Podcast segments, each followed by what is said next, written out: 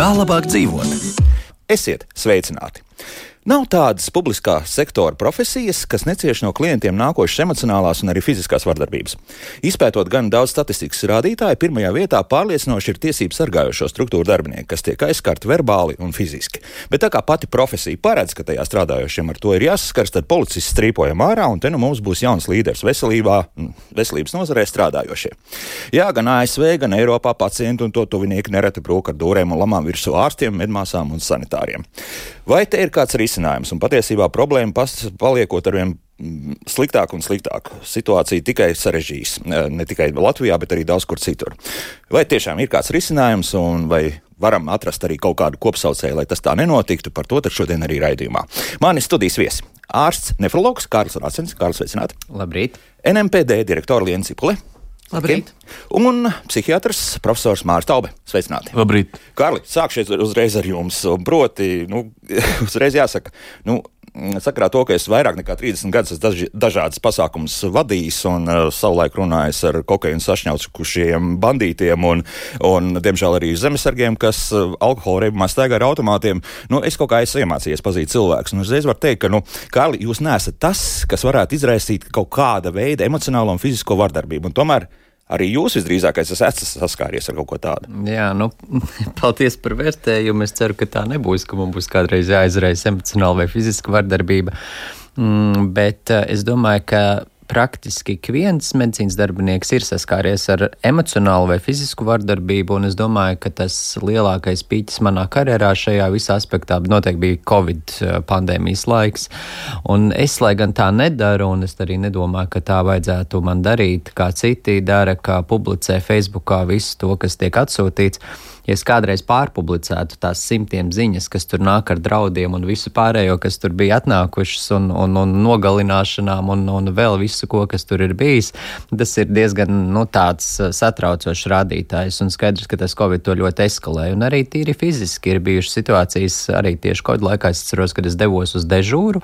Man bija jābūt astoņos stradiņu slimnīcā, tā bija sestdiena man fiziski uzbruka pie stāvvietas uh, vesela cilvēku grupa, un uh, es netiku uz uh, darbu. Es um, saucu policiju, kura, diemžēl, tā arī neieradās.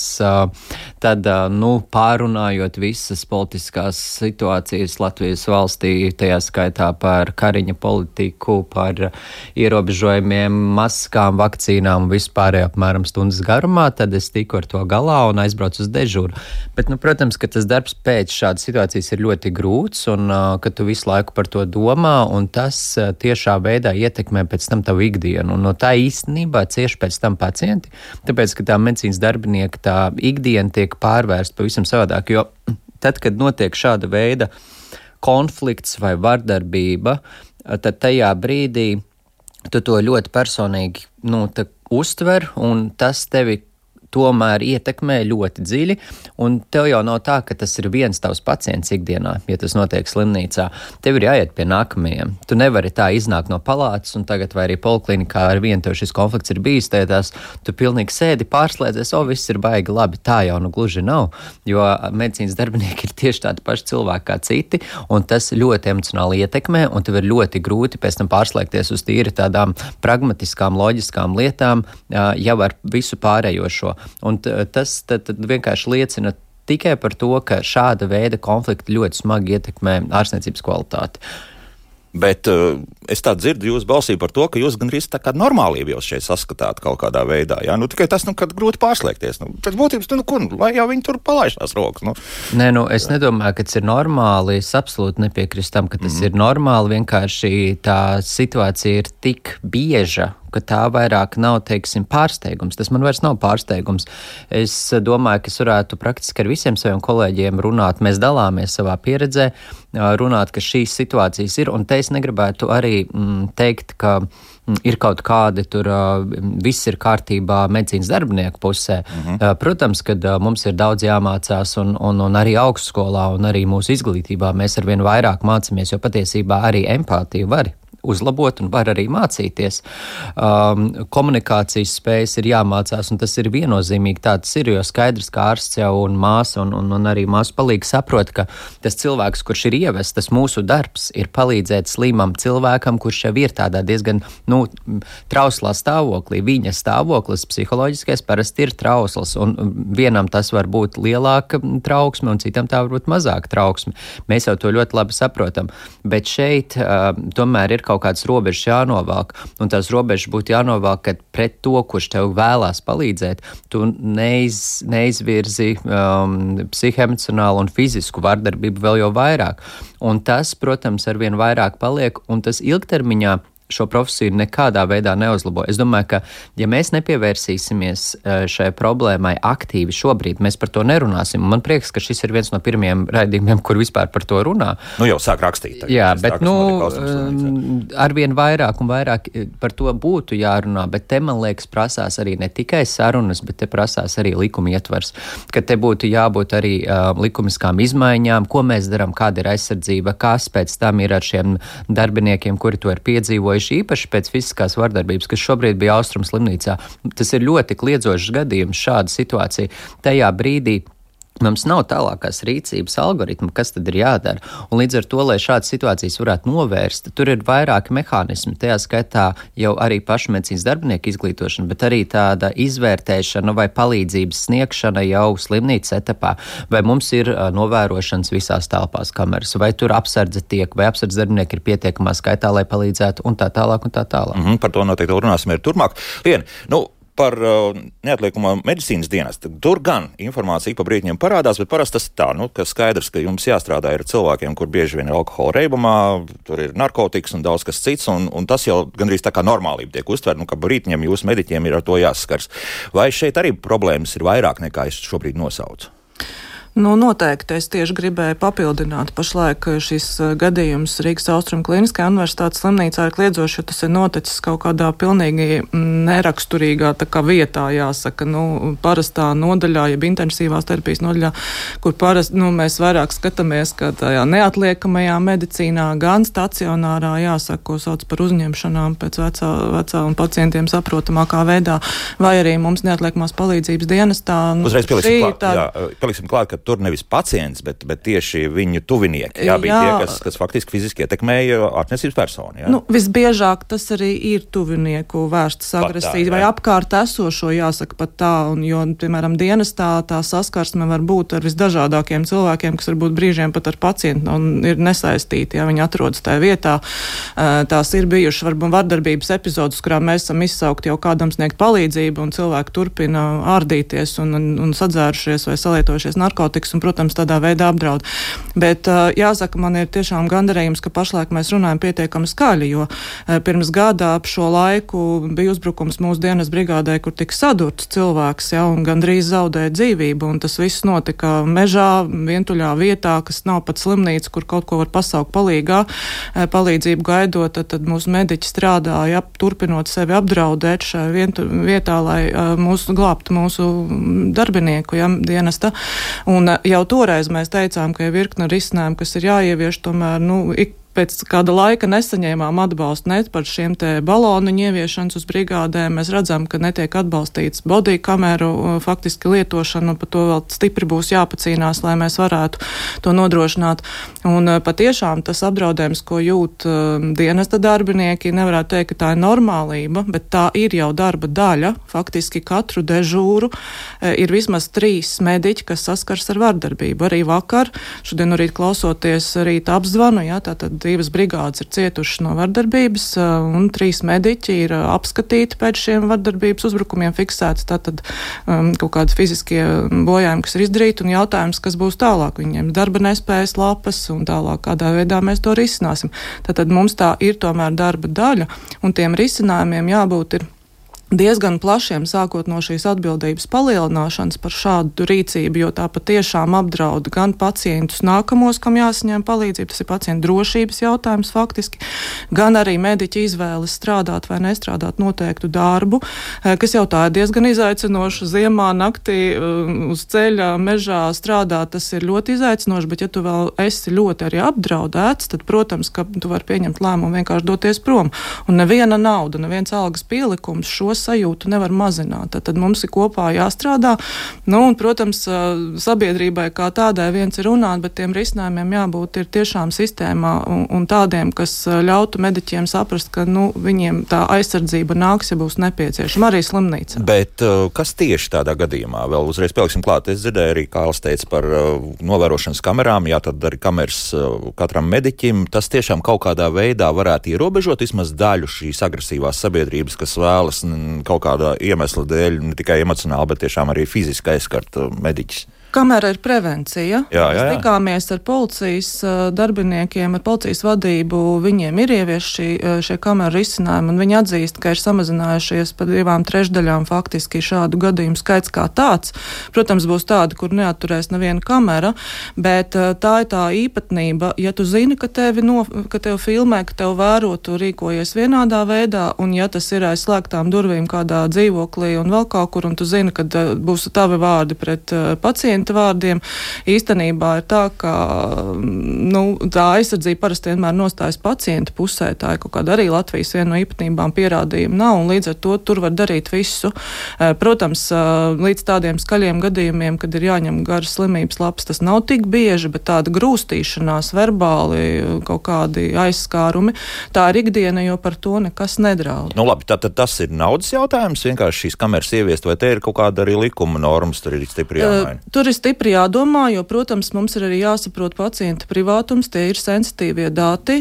Tur ir vienmēr šis samērīguma princips jāievēro, un tomēr iekšējā dienestā vērtējot šo situāciju, esam sapratuši, ka, ja mediķis nejūtas droši, tad pacients noteikti nevar būt drošs. Un šādu kameru lietošana ir faktiski jāievieš ar stingriem, protams, regulējumiem, kādā veidā un ko, bet šis samērīgums ir tas, kas līdz šim ir atturējis, varbūt skaļāk. Mm -hmm, jā, lieta. Jā, es gribēju te pieminēt, ka ka tās kameras un šādas te veida sistēmas, um, tās mazina to visatļautības sajūtu, jo tajā brīdī, kad tu noņem no to anonimitāti, nu, kas, piemēram, valda sociālos tīklos vai arī, kā uh, Liena minēja, mājās aiz slēgtām durvīm, tajā brīdī tā attieksme mainās. Un es pats esmu nu, piedzīvojis šo situāciju slimnīcas nu, palātā, kur mums nav nekādas kameras, kad tur piederīgi ir ļoti agresīvi un, un, un, um, un tur sanāk um, liels diskusijas.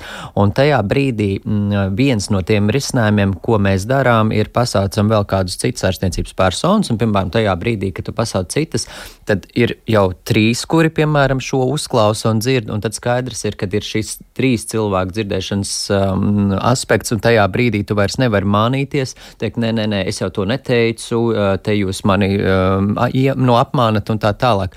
Respektīvi, ja ir šādas te lietas, tad viņas preventīvi, kā, kā tieši minēja, tieši prevencijas aspekts te varētu varētu strādāt. Bet, teiksim, tas cilvēku aizsardzības aspekts, es domāju, ka mums būtu jāpalielina arī tas apsardzes, teiksim, iespējas daudzums, un arī daudzums kaut kādā veidā. Nu jā, te atkal pavisam nesen pārskatot dažus labus, ļoti kādreiz populārus seriālus, tieši krita, Amerikas un tās valstīs kritācijas, ka tās apsardzes daudzums, nu, ko tajā arī seriālā var, ir, ir izteikti, ir redzams, ka tā apsardze tur ir. Bet, profesor Taube, tas ir kaut kas neizbēgams, kas notiek. Jo, kā jau es teicu, pašā sākumā faktiski visā publiskā sektorā tas notiek. Vai tas būtu veikala pārdevējs vai, vai tramvaja vadītājs. Jā, vienalga, agrāk vai vēl saskars cilvēki ar to, ka viņiem uzbrūk. Es domāju, ka pa daļai mēs arī ar, ar, ar Lienu pirms raidījuma sākām runāt par to, ka tāda situācija jau bija arī droši vien gadus atpakaļ un mm. ir arī visur pasaulē. Kad kaut kādā zināmā mērā tā ir, tā ir jo, jo jāsaprot, ka tas ir Nu, tas ir tāds uh, kritisks moments arī tam, tam tuviniekam, arī tam pacientam. Tā vispār ir nestandarta situācija. Mēs nevaram attiecināt uz citu. Tas ir viens, tas ir pacients, kurš ir, nu, kurš ir tādā slimā stāvoklī, jau, jau, jau, jau savas fiziskās slimības dēļ, arī, arī zināmā veidā mentālā. Viņš ir zināmā mērā bezpalīdzīgs tajā brīdī. Ja? Viņš ir atkarīgs no ārstiem ja tādā brīdī notiek kaut kāda situācija, viņam kaut kāda informācija tiek paziņot, viņš tāpat tās iet cauri kaut kādām krīzes reakcijām. Pirmais viņš tur uzveja vainu kādām, viņš dusmojās. Ja, tad ārsts ir pirmais. Jā, jā ārsts ir pirmais, kas gadās, jā. un tas ir, to es gribētu ļoti atzīmēt, to mēs arī kolēģiem vienmēr, nu, kad mēs kolēģiem saskaramies, runājam, kad uh, tam doktoram arī ir jāsaprot, viņš uz mani kliedz, es darīšu visu labāko, ko es varu, ja pret mani vērš agresiju, bet tā zināmā mērā ir tā brīža, tāda psihopatoloģija tam radiniekam vai tam pacientam. Tā kā kaut kādā mērā tas noteikti, tās reakcijas ir. Nu, mēs psihiatri vispār esam pieraduši, ka nu, visi pret mums ir pacienti 90% ir, nu, nesaprot savu slimību un agresivitātes izpausmi. Mēs to mēģinām, bet, bet tas, ir, tas ir jāattiecina. Bet to var noteikt, ka to var normalizēt. Es gribētu tā teikt, jā, bet tas nu, tiešām nav tik vienkārši. No vienas puses, visi tie aspekti, kas ir aizsardzības līdzekļi, šī te tehniskā, juridiskā lieta. Otra lieta ir arī droši vien ir speciāls, teiksim, arī tomēr dažādas mediācijas tehnikas, teiksim, šo te vardarbības eskalāciju eskalācijas mazināšanas, ja, kas, nu, zināmā mērā varbūt ir apmācību, arī zināmā mērā kaut kāda darbinieku jautājums, jo, piemēram, ja Es domāju, lielās slimnīcās, teiksim, arī rietumvalstīs ir šie cilvēki, kas šo ziņu, kas palīdz, teiksim, tai doktorītei nākt ārā no vienkārša koridorīta cilvēkam teikt to, ka tagad es atslēdzu mākslīgu elpināšanu, ja, ir, ir droši vien tur vajadzētu būt klāt vēl kādam cilvēkam, kas varbūt tiek izsaukts uz to brīdi, vai tā ir kaut kāda situācija, ka var noiet malā, apsēsties kaut kādā telpā.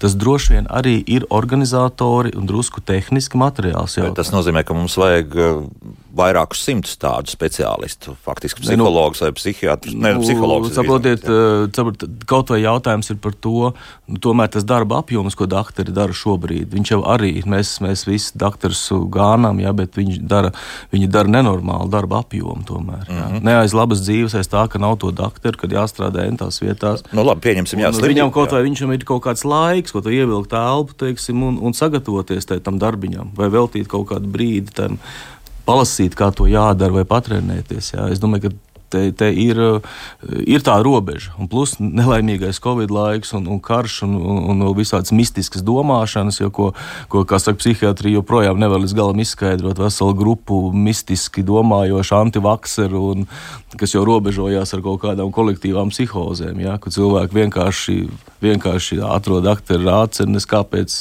stāvvietā, un, un viņš pats nesaprata, par ko, par ko bija runa. Ja. Nē, nu, labi, ka tas beidzās tā, kā beidzās. Jā, bet, bet nu, tas tas ir, tas ir tas uzslāņojums. Tas ir droši vien tas, kas varbūt nezinu, 90. gados bija, bet tagad ir kaut kas nācis kārta klāt. Mm -hmm. tā, pirmkārt, nu, tā, tās varētu būt sarunas, bet tas ir stacionāri atkal. Bet, eh, teiksim, nu, ar neatliekamo medicīnisko palīdzību mēs te nekādi nepalīdzēsim. Nu, katram ir savu, katram ir savs līmenis. Doktori no, noformulē tos, kur ir vairāk tiešām drošības līdzekļi, vairāk ir šī te lieta tehniskie līdzekļi, bet tādā slimnīcas apstākļos, protams, nu, slimnīca arī, nu, teiksim, nevar psihiatriskā slimnīcā vai jebkurā citā būt apsargi vai policists stāvēt. Nu, tas arī ir jāsaprot, kur mums ir medicīna, jā, kur tomēr tas ietilps mūsu tanī kurikulā, ka mums ir, ir jāvar, jā, medicīnas ētika, šīs psiholoģiskās prasmes, un kur tas, kur tas kurā brīdī ir, ir, ir jāpiesaista jau speciālisti vai ir drošības mm. tehniski. Nu, kas vairāk burkāns vai pātaga šajā gadījumā uz taperu nešaut, jā, kā kādreiz bija tur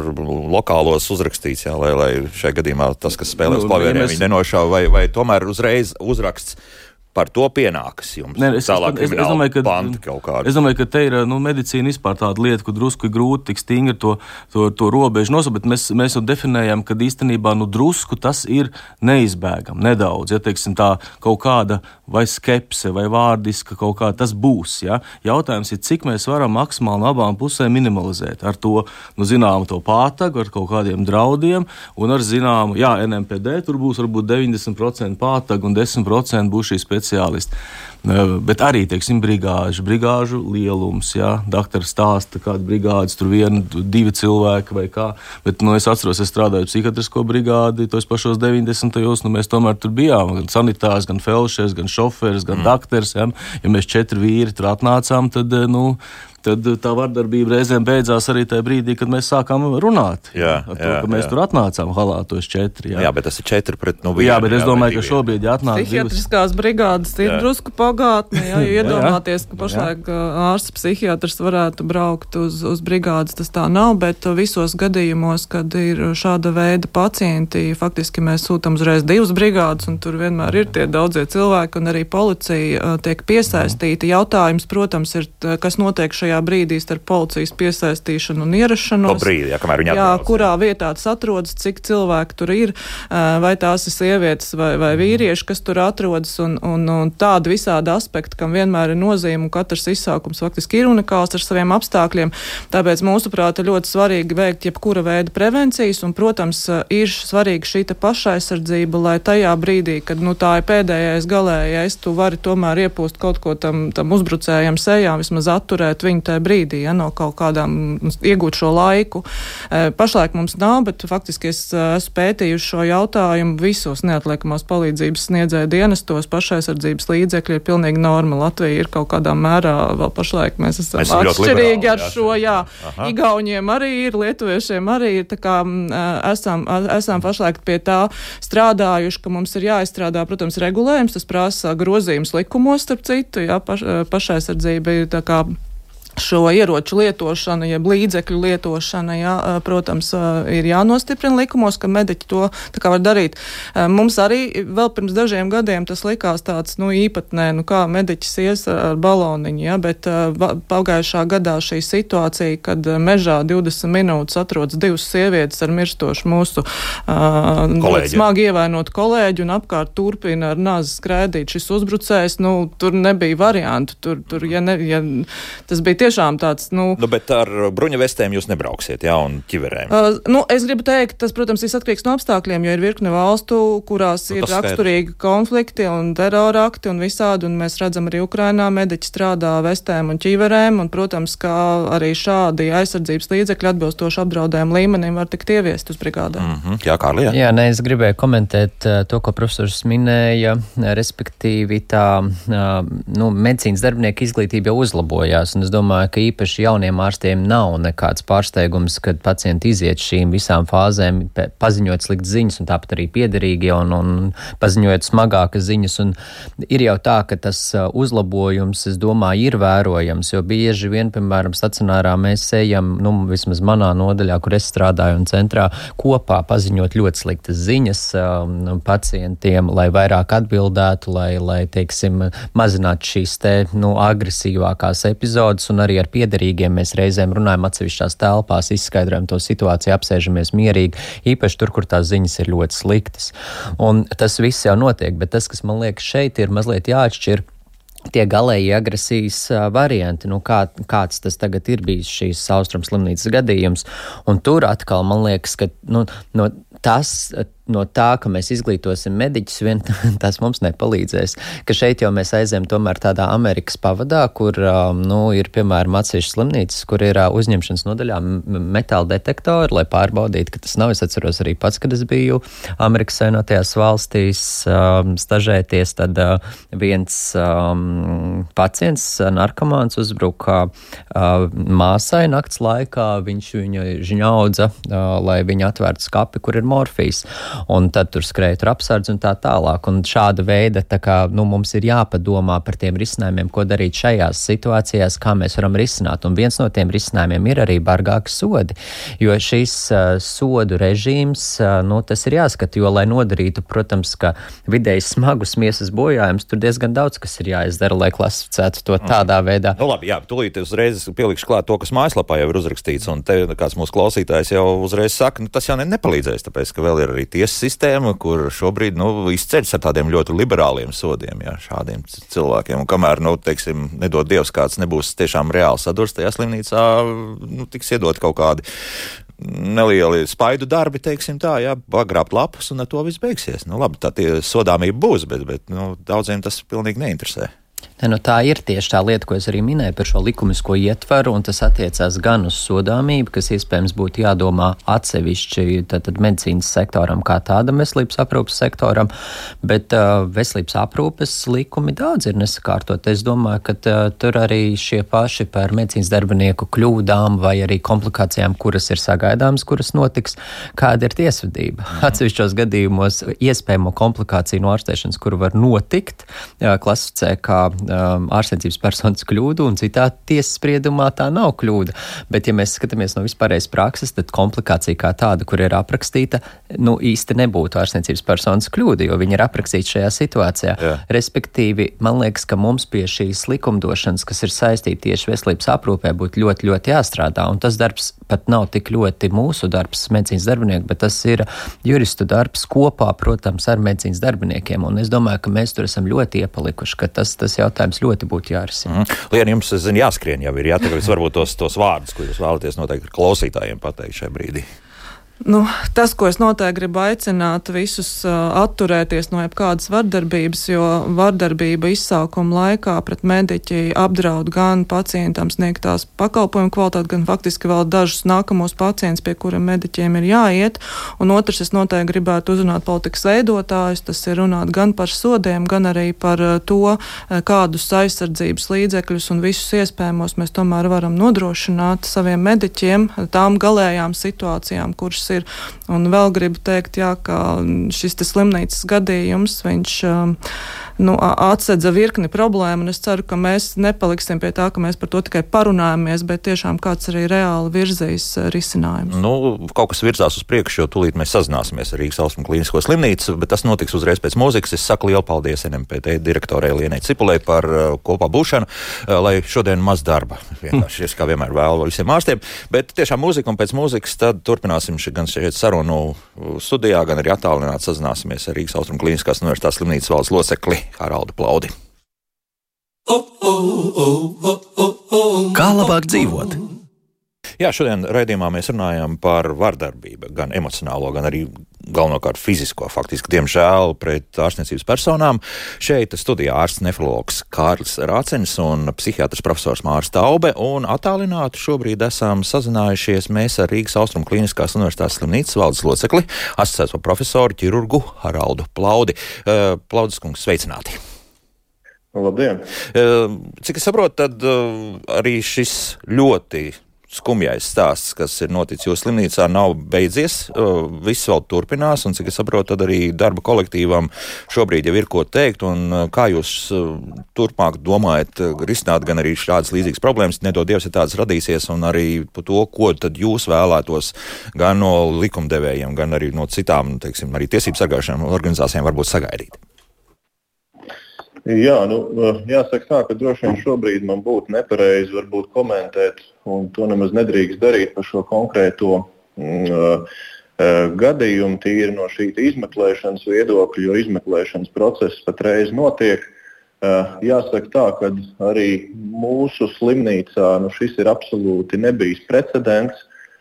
Un, nu, šādi precedenti, diemžēl, nu, skatoties arī pasaules varbūt, literatūru un datus, mēs redzam, ka šādas situācijas arī daudz kur Eiropā un, un, un pasaulē nemaz nav vairs tik retas un nebijušas, kā līdz brīdim, kā mums līdz šim brīdim likās. Protams, ka šādas situācijas ir absolūti nepieņemamas un šādiem notikumiem nekādā gadījumā nevajadzētu notikt. Uh, un, un, protams, nu, ko darīt, lai tas nenotiktu? Diemžēl jāsaka, ka visdrīzāk absolūti no šādām situācijām mēs izbeigt, izbeigt nākotnē nevarēsim. Uh, kā mēs zinām, tad par šādiem nu, uzbrukumiem, ja tie ir viegli miesas bojājumi, tad Latvijā pienākās administratīvs sots. Šeit iespējams, ka būtu aktualizējums jautājums kopā ar tiesību sargājošām instancēm, varbūt par bargākiem sodiem, par kriminālu atbildību tieši par šādiem pārkāpumiem, kas ir vērsts pret ārstniecības personām. Vai tādi ātri risinājumi ir iespējami šobrīd? Protams, ir lietas, ko mēs arī slimnīcā esam diskutējuši. Tie ir dažādi teiksim, te protokoli, kādā veidā tad personāls runā ar piederīgajiem vai ar pacientu. Un, un, un, un, protams, vai tam ir jānotiek vienatnē, vai tam ir jāpiedalās arī kādam citam kolēģim. Šie jautājumi ir diskutējumi un tiek šobrīd diskutēti. Protams, šeit ir runa par datu drošību, arī par pacientu tiesībām, dažādām juridiskām šīm lietām, bet šī, šeit diskusijai nu, ir jābūt drošai. Šeit es runāju tieši par ārstniecības uh, personām. Tā kā te ir dažādi mājas darbi, kas arī uh, mums ir uh, veicami, lai maksimāli šos riskus samazinātu. Cik ātrā laikā var panākt tādas pozitīvas jau tendences, lai, lai tiešām nebūtu jāsaskars ar, ar to, ka kāds vispār pat iedomājas fiziski ietekmēt uh, vienalga, jebkuru cilvēku slimnīcā? Nu, kā jau es teicu, diez vai mēs šos situācijas novērsīsim, jo, lai cik nebūtu bargi sodi, piemēram, par sēšanos uh, pie automašīnas Uh, un auto vadīšana alkohola reibumā, bet katru gadu šie skaitļi ir pietiekoši lieli, un es negribētu teikt, ka viņi samazinātos. Līdz ar to diez vai mēs arī noteiktu segmentu cilvēku kaut kādā veidā ietekmēsim vai nobaidīsim, ja pavisam gan nezinu, verbālu agresiju vai fizisku, nedod Dievs, agresiju būtu uzreiz kādi bargi sodi. Bet, protams, šī ir uh, noteikti vidas uh, sakārtošana, šie ir noteikti komunikācijas protokoli, mūsu kolēģu izglītošana, kā varbūt uzreiz pamanīt šādas situācijas, kas var potenciāli draudēt ar agresiju. Tas ir tāds kopīgs darbs mums gan slimnīcā, gan arī sabiedrībā. Paldies, uh, Lauža kungs, uh, lai izdodas šodien uh, visi darbi un cerēsim tiešām uz kādiem labiem risinājumiem šajā jomā un, un tomēr padarīsim arī slimnīcas vidi krietni drošāk nekā tā ir šobrīd. Dzirdējāt Rīgas Austrum Kliniskās universitātes slimnīcas valdes locekli asociēto profesoru ķirurgu Haraldu Plaudi. Nu, varbūt arī te kāds komentārs šeit studijā.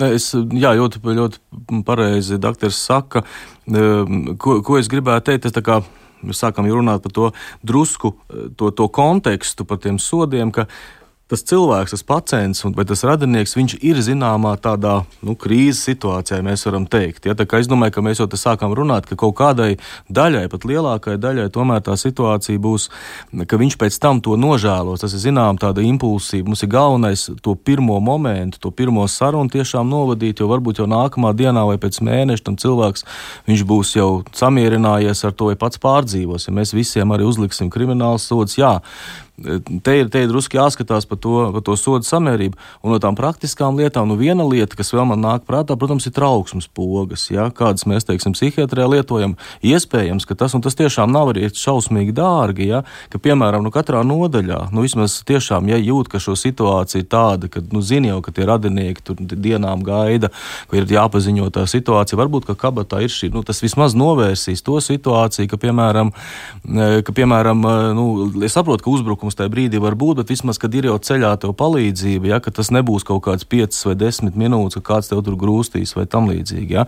Tā kā, nu, tas ir tāds, tāda, tāda niansīte, ko vismaz nu, mēs psihiatri. Bet tas neeskalē situāciju, teiksim, vēl papildus uh, ne, teiksim, domāju, atbalsta parādīšanu. Tas nav jāzina. Es domāju, ka tas nav jā, tas, teiksim, nav jā, tas ir situācijā, ja mēs, teiksim, esam tagad mēs sarunājamies, nu, vismaz kabatā ir šī poga. Uh mhm. -huh. Ja tā situācija kļūst nekontrolējama tajā brīdī, jo var jau būt reakcijas, ka, teiksim, tur kāds liels radinieks pieceļās aizstājās kājās durvīm priekšā, piemēram, vai kaut kas notiek tāds, ka nē, nu, doktor, es tagad te, jūs man tagad atbildēsiet, vai tam līdzīgi. Ja? Ka varbūt nu, tā ir tāda, ja, mēs, ja jūs teiksim, jautājat par tādām ātrām kaut kādām reakcijām, ko mēs nu, šodien, teiksim, rīt, parīt varam, varam, varam darīt. Varbūt to dar nu, apdomāt. Tas, Jā, bet vai tikai pie sliktu ziņu paziņošanas faktiski mēs jūtam, ka notiek šādas situācijas, vai tomēr ir tādas tīras sadzīviskas kaut kādas lietas, nezinu, kādam neiepatīks tas, ka sāls pamaz pielikts putrai, jā, kas tiek atnest vai, vai kā citādi citādi. Skaidrs, ka tāds notiek, un es arī komentēju to, atbildot jūsu jautājumu uzreiz.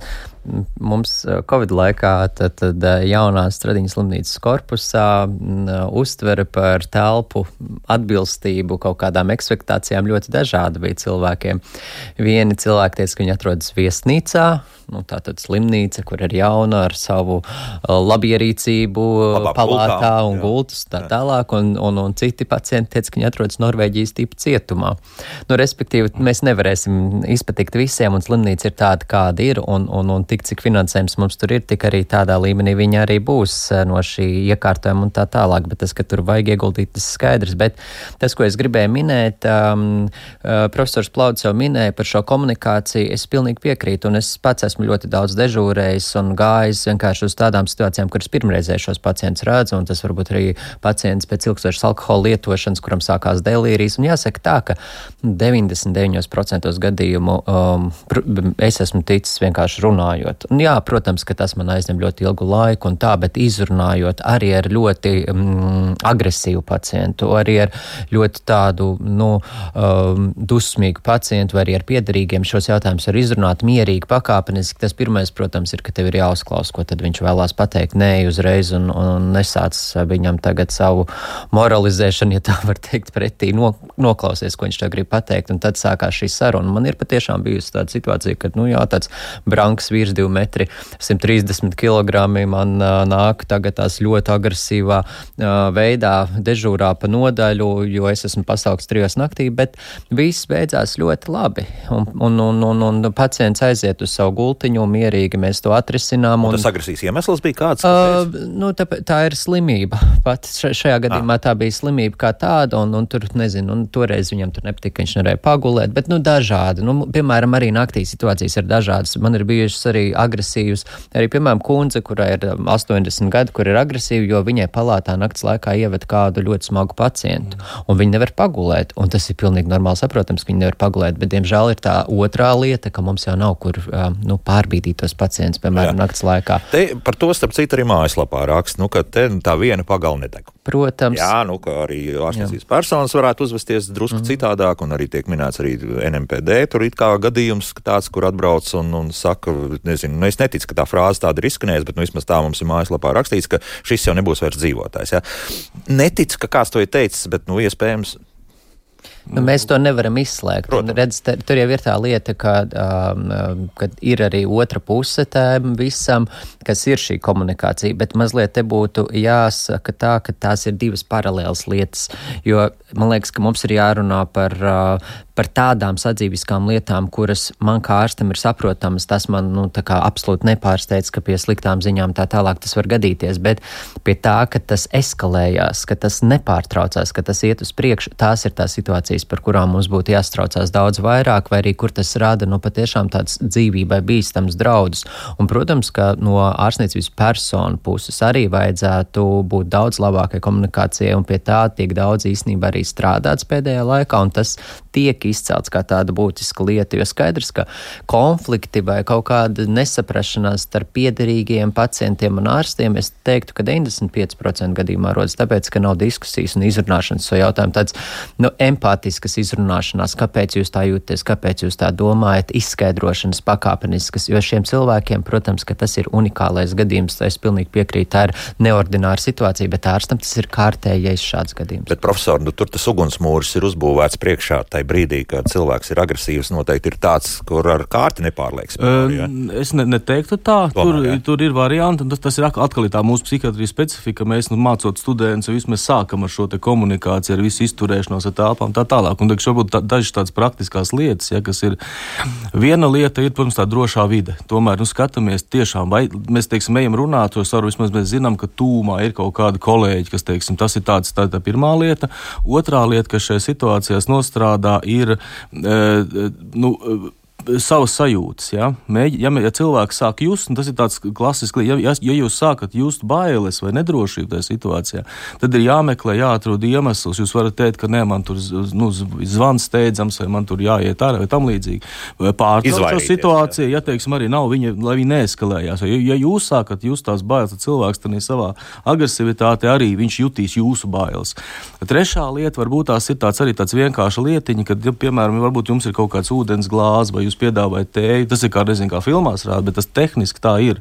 Ja cilvēkam, teiks, vismaz viņam iedod ūdens glāzi, labi, viņš varbūt ūdens glāzi uzlies mums virsū, bet nu, tomēr pa lielam viņš, teiksim, padzersies vai jūs apsēdīsieties, vai tur ir kaut kāda riekstiņa vai kaut kas tāds. Ja? To mēs izmantojam arī, teiksim, psihiatri, mēs runājam ar pacientu, mēs jūtam, ka tāda dusmas pieaug, varbūt tas ir veids, kādā mēs, nu, mēs mēģinam to, de, to, to deeskalēt to situāciju. Ja? Nu, tādi, tādi mazie, ma, mazās tās lietiņas, tādi viens, divi, trīs kaut kādi punkti, nu, kurus vienkārši atkārtojot. Es saku, droši vien izskatās, ka nu, visiem kolēģiem vajadzētu kaut kādu šo pamatu, kas mums ir nu, kā, kā saka, obligāta apgūt. Iztu, ja? Izturēšanās. Mēs eksāmenā prasām psihiatrijas rezidentiem jautājumu izturēšanos ar pacientu. Ja? Tad, droši vien, te, jo mēs, jā, ja mēs varam uzskatīt, ka viņš tajā brīdī ir tādā, nu, teiksim, psihoterapeita teiks, tādā, nezinu, psihotiskā līmenī nonāk, ja viņš aizverās tās klapas. Jā. Nu, Gaidis mums jautā, kāpēc neveidojat melno pacientu sarakstu, respektīvi, un tos mm. nelaist slimnīcām. Tā tas nav iespējams. Nē, nē, nē. Nē. Es domāju, ka šo mēs nedrīkstam nemaz pieļaut un darīt. Un te ir jau jāatcerās, ka mēs dzīvojam tādā laikā, kur polarizējās ļoti viedokļi dažādu jautājumu dēļ. Par to arī sapsīt raksta, ka jā, paliek arvien jā, un, un sabiedrība vardarbīgāk. Jā. Ārsta pienākums un ētika prasa neņemt šo vērā. Un nekādā gadījumā mēs nedrīkstam, es neuzskatu, ka mēs drīkstētu jebkad veidot kaut kādas melnos sarakstus neatkarīgi no cilvēka politiskās piedarības, nezinu, seksuālās orientācijas uzskatiem, iepriekšējās rīcības. Mēs nevaram viņam atteikt palīdzību, jo tas nav mūsu uzdevums. Mēs neesam kaut kādi tiesātāji pēc šiem jautājumiem. Nu, bet, ja tomēr tajā slimnīcā nu, būtu pierakstīts klāt, nu, tad, nu. tad pie uzņemšanas, kad tev parādās nu, viens sarkanais karodziņš, ka tagad drusku labāk, uzmanīgāk rīkoties. Es vienkārši gribēju vienu teikumu, kā papildināt, ka šis jautājums par to, ka mēs kādam ierobežojam, viņš ir, kā saka, izdiskutēts un Ņemam kādā līmenī, jo, kārtības, jo pat arī tad, teiksim, mēs sakām, cilvēks smēķē, piemēram, mm. jā, mēs teiksim, viņam kaut kāds ir, tas ir, nu, tas nedara, jo mēs, mums ir jānodrošina, ka viss, tas, kurš būs, teiksim, neārstēts smēķētājs, viņš apdraudēs daudz, tu, mūs daudz vairāk nekā mēs, kā saka, ņemsim viņu ārstēsim, kaut vai viņš vienalga nepiekrīt atmest smēķēšanu. Ja? Šis bišķiņš, nu, tāds, tas, tas ir diskutēts, un tas, tas īsti nes, ne, nestrādā. Bet nu, tāds, es, es, es domāju, ka nu, ir, tomēr, tomēr nu, tas, tā situācijas var mainīties. Un es tomēr palieku pie tā, ka es nu, gribu ticēt arī, arī tiem, nu, tiem lielākajai daļai to cilvēku, kas ir, nu, kas ir vienkārši. Viņš varbūt ir to, to cilvēku kopis divu mēnešu, ja, un tagad no, tas, tas finišs, vai tas ir straujāk noticis, vai viņš tā ir visa viņa dzīve. Ja, un, diemžēl ir cilvēki, arī pacienti, kas tie radinieki, kas pēc tam, kas viņi netiek tam pāri, viņi tāpat paliek tajā stadijā, ka viņi vaino to slimnīcu joprojām. Un nākamā reizē viņi atkal ir dusmīgi uz to slimnīcu un pārmet sev, kāpēc es nevedu tuvinieku uz citu slimnīcu, kāpēc uz to. Un man ātrie kaut kā pajautāja, un man vajadzēja uzstāt par to slimnīcu, nu kaut kā tāda stāsta paliek. Ja? Tā es tomēr vairāk ticu, ka kad, kad otrā reize nebūs tieši tāda pati, kā viņš būs pirmo reizi bijis, teiksim, tur kaut ko izrunājies, varbūt otrā, un mēs viņu ielikuši kaut kādās bildi pie sienas. Nu, tas, tas, nu, nu, tas šķiet, man liekas, nu, tā nu, ne, nebūs īsti. Jā, nu, vēl atgriežoties pie uh, tiem, kas brauc uz izsaukumiem, varbūt jāapsver iespēja, ka uz potenciāli riskantiem izsaukumiem mediķi dotos kopā ar policiju. Egons jautā, nu, tā jau arī mēs saprotam, ka notiek. Jā, Viņi dara, jā, teiksim, nu, psihiatrijā noteikti. Viņam pašvaldība policija, divas mašīnas brauc reizē, jā, bet tur arī, protams, tur ir arī tagad NMPD, tur strādā pie saviem reglamentiem iekšējiem, jā. Viņi tur pajautā arī mūsu kādu, kādu palīdzību. Tad jautājums ir, jā, kā to visu darīt. Arī tiešām cilvēktiesības, ja? jo tas ir cilvēks, viņš ir slimā stāvoklī. Mēs nevaram viņu uzskatīt par kaut kādu noziedznieku tajā brīdī, un ar policiju tur roku dzelžos vest vai vēl kaut kā. Ja? Te ir ļoti, ļoti trausla šī robeža. Ja? Tas vienmēr ir bijis arī tas, tas postulāts, ka mums kā mediķiem ar to situāciju idejiski jātiek galā ja? un jānoro. Ja viņš ir ļaundaris, Ja, ja tā teiksim, radinieci iesita, jā, tad brīdī viņa ļaundara, un, un tā, bet tajā brīdī, ja tas pacients teiksim, savu veselības stāvokļa dēļ vai nu, tur kaut ko pasaka vai iesist, vai viņš uzreiz ir noziedznieks, mm -hmm. vai mums tomēr nu, pašiem nav to jātiek galā. Nu, klausītāji, protams, vēlas paskatīties uz visu no otras puses. Nu, protams, vai ārsti paši ir adekvāti, cik viņus paši pārbauda, vai šis raidījums viņus neglorificē. Tā Nē, es, es, teicu, es par, to, par šo jautājumu es domāju, nu, domāju, un viņš ir tāds pasmags jautājums īpaši jo, protams, mediķu trūkums ir liels. Ja? Un mēs tomēr arī redzam, ka tas, tas tāpat, nav, tāpat nav Latvijas problēma, tā ir pasaules problēma. Ka, kad nu, arī nāk cilvēki, ja, kuriem var būt tās arī specifiskās jomās, un tādā medicīnā arī nevajadzētu strādāt. Ja? Un eh, nav tie mehānismi, nav tādi, un tiešām nav arī tādas veselības pārbaudes. Ja? Mēs, man liekas, es vēl stājos augstskolā, tad mums bija tur jāiet veselības pārbaudes dažādas, ja?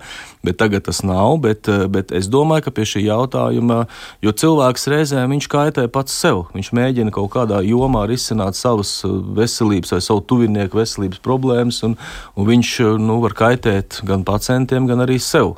Tā kā nu, te, te es negribētu, es gribētu teikt, ka rakstītājiem droši vien ir sava daļa taisnības. Ļoti smags jautājums. Mm -hmm. Cilvēks varbūt ir izcili gudrs, bet viņa personība, viņa empātija, viņa spēja komunicēt ir, ir vāja viņa personību. Un mēs to nevarēsim tagad. Kaut gan ir izcils ārsts. Trīs, jā, 30, 40 gados mēs, pē, un reizēm ir tie leģendas klīst par fantastiskiem ārstiem, ja, bet kuri, kuriem kur vispār nevar sarunāties. No briesmīgiem cilvēkiem. briesmīgiem cilvēkiem. Jā, tāpēc es arī sāku. Tā ir dilēma. Nu, Kārlis noteikti nav tas cilvēks, kuram Kārlis, paskatoties. Nu, Kārlis, cerēsim, ja. Kārlis, Kārlis, man nepazīst. Ir tādi kolēģi, kad, kad bet pacienti iet pie viņiem, jo, saka, jo viņš, nu, viņš man tā, tā sataisīja, ka es. Nu, redz, ir tā, tā, tas arī ir tas aspekts, ko es arī pilnīgi piekrītu, ka, diemžēl, jau arī jāsaka, ka uz medicīnu, un tie pētījumi arī rāda, ka uz medicīnu vispār kopumā aiziet cilvēki ar šīm nosliecēm, kuriem pietrūkst empātijas, un tie ir tādi starptautiski pētījumi, jo tāpēc, ka tev ir nepieciešama ļoti augsts kapacitātes, zināšanu spēja un darbspējas un tā tālāk.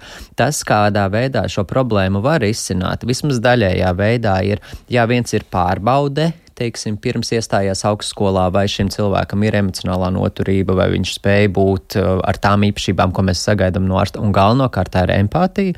Bet otrs ir, mm, vai viņš šajā vidē ir iepriekš bijis, un tad dažās valstīs, piemēram, ir noteikums, ka tu medicīnas fakultātē vari stāties tajā gadījumā, ja tu esi iepriekš volontējis brīvprātīgi kaut kur kādā labdarības organizācijā uh, kops. Uh, strādājis ar cilvēkiem. Respekt, ja? jā, un kur tev ir šis atzinums, ka tu patiešām to spēj labi veikt veikt, un tajā gadījumā to varētu ņemt kā kritēriju. Bet tas, protams, arī ir diskutējums jautājums, vai mums ir tik daudz iespēju šo nodrošināt, tad tas maina to sistēmas pieeju, bet uz to pakāpeniski būtu jāvirzās. Nu, vismaz, Nebūtu problēmas. Jā, vismaz, teiksim, RCU, piemēram, šo ir tagad sastāvgadā ir šīs klīniskās prakses gads, jā, kāds agrāk mūsu laikā nebija īsti, mm. bet ļoti labi, jo tad viņš var izvēlēties arī brīvprātīgi tās, nu, tādā psihiatrijā, tas cilvēks atnāk, viņš tiešām pastrādā, viņš redz to pacientu, viņš saprot, viņš vispār no viņa nebaidās, viņš vispār ir spējīgs tajā nodaļā būt. Un tad jau ir prakses novērtēšana. Tas ir tāds labs moments, bet tas ir augstskolas jau pēdējais gads, bet viņam vēl ir iespēja, teiksim, rezidentūru izvēlēties varbūt citu specialitāti. Jā, varbūt viņš grib iet uz tādu specialitāti, kur nav saskarsme tik ļoti ar pacientu. Tas arī ir. Jā, jā, ir laboratorijas ārsti, ir, ir radiologi, varbūt tas mm. fantastiski, nu, kur, kur šīs īpašības dara. Tā kā mm. te ir, nu, Abām pusēm ir ko mums domāt. Abām pusēm ir ko darīt. Nu, atkal ievērosim to pašu 3, 6, 7 sekundžu iespēju paklusēt, ievilkt gaisu, pirms kaut ko mēs sakām viens otram. Jā, teiksim tā. Jā. Pilnīgi taisnība. Pilnīgi taisnība. Šodien uh, liekam daudz punktus. Noteikti par to turpināsim runāt un cerēsim arī uz pozitīviem risinājumiem gan likuma normu sakārtošanā, gan arī tādās citās jomās. Uh, saku paldies uh, profesoram, psihiatram Māram Taubem un ārstam nefrologam Kārlim Rācinim par sarunu. Uh, vēl tikai ātri pateikšu, ka anonīmums raksta par to, ka mēs nerunājam par to, kā arī pret skolotājiem tiek vērsta uh, vardarbība. Tiek runāts, varbūt mazāk, un uh, noteikti arī būs raidījumi, arī ģimenes studija noteikti tam agrāk vai vēl atkal pievērsīsies. Tā kā nav tā gluži, ka mēs kaut kādā veidā to noklusējam. Rīt mums raidījuma temats drusku mainījās. Kā teicu vakar, bija domāts runāt par traumām un traumu gūšanu un tālāk juridiskiem aspektiem. Ja jums klāts gabals uzkrīt virsū, tad šoreiz mēs esam nomainījuši par to, ka daudz interesējas par elektrības tarifiem, jo daudzi saslēguši līgumus un uh, tie ir ļoti klai neizdevīgi. Ko tad darīt? Mainīt kaut ko vai nemainīt? Tad to izrunāsim rīt raidījumā. Jaukdien visiem un tā!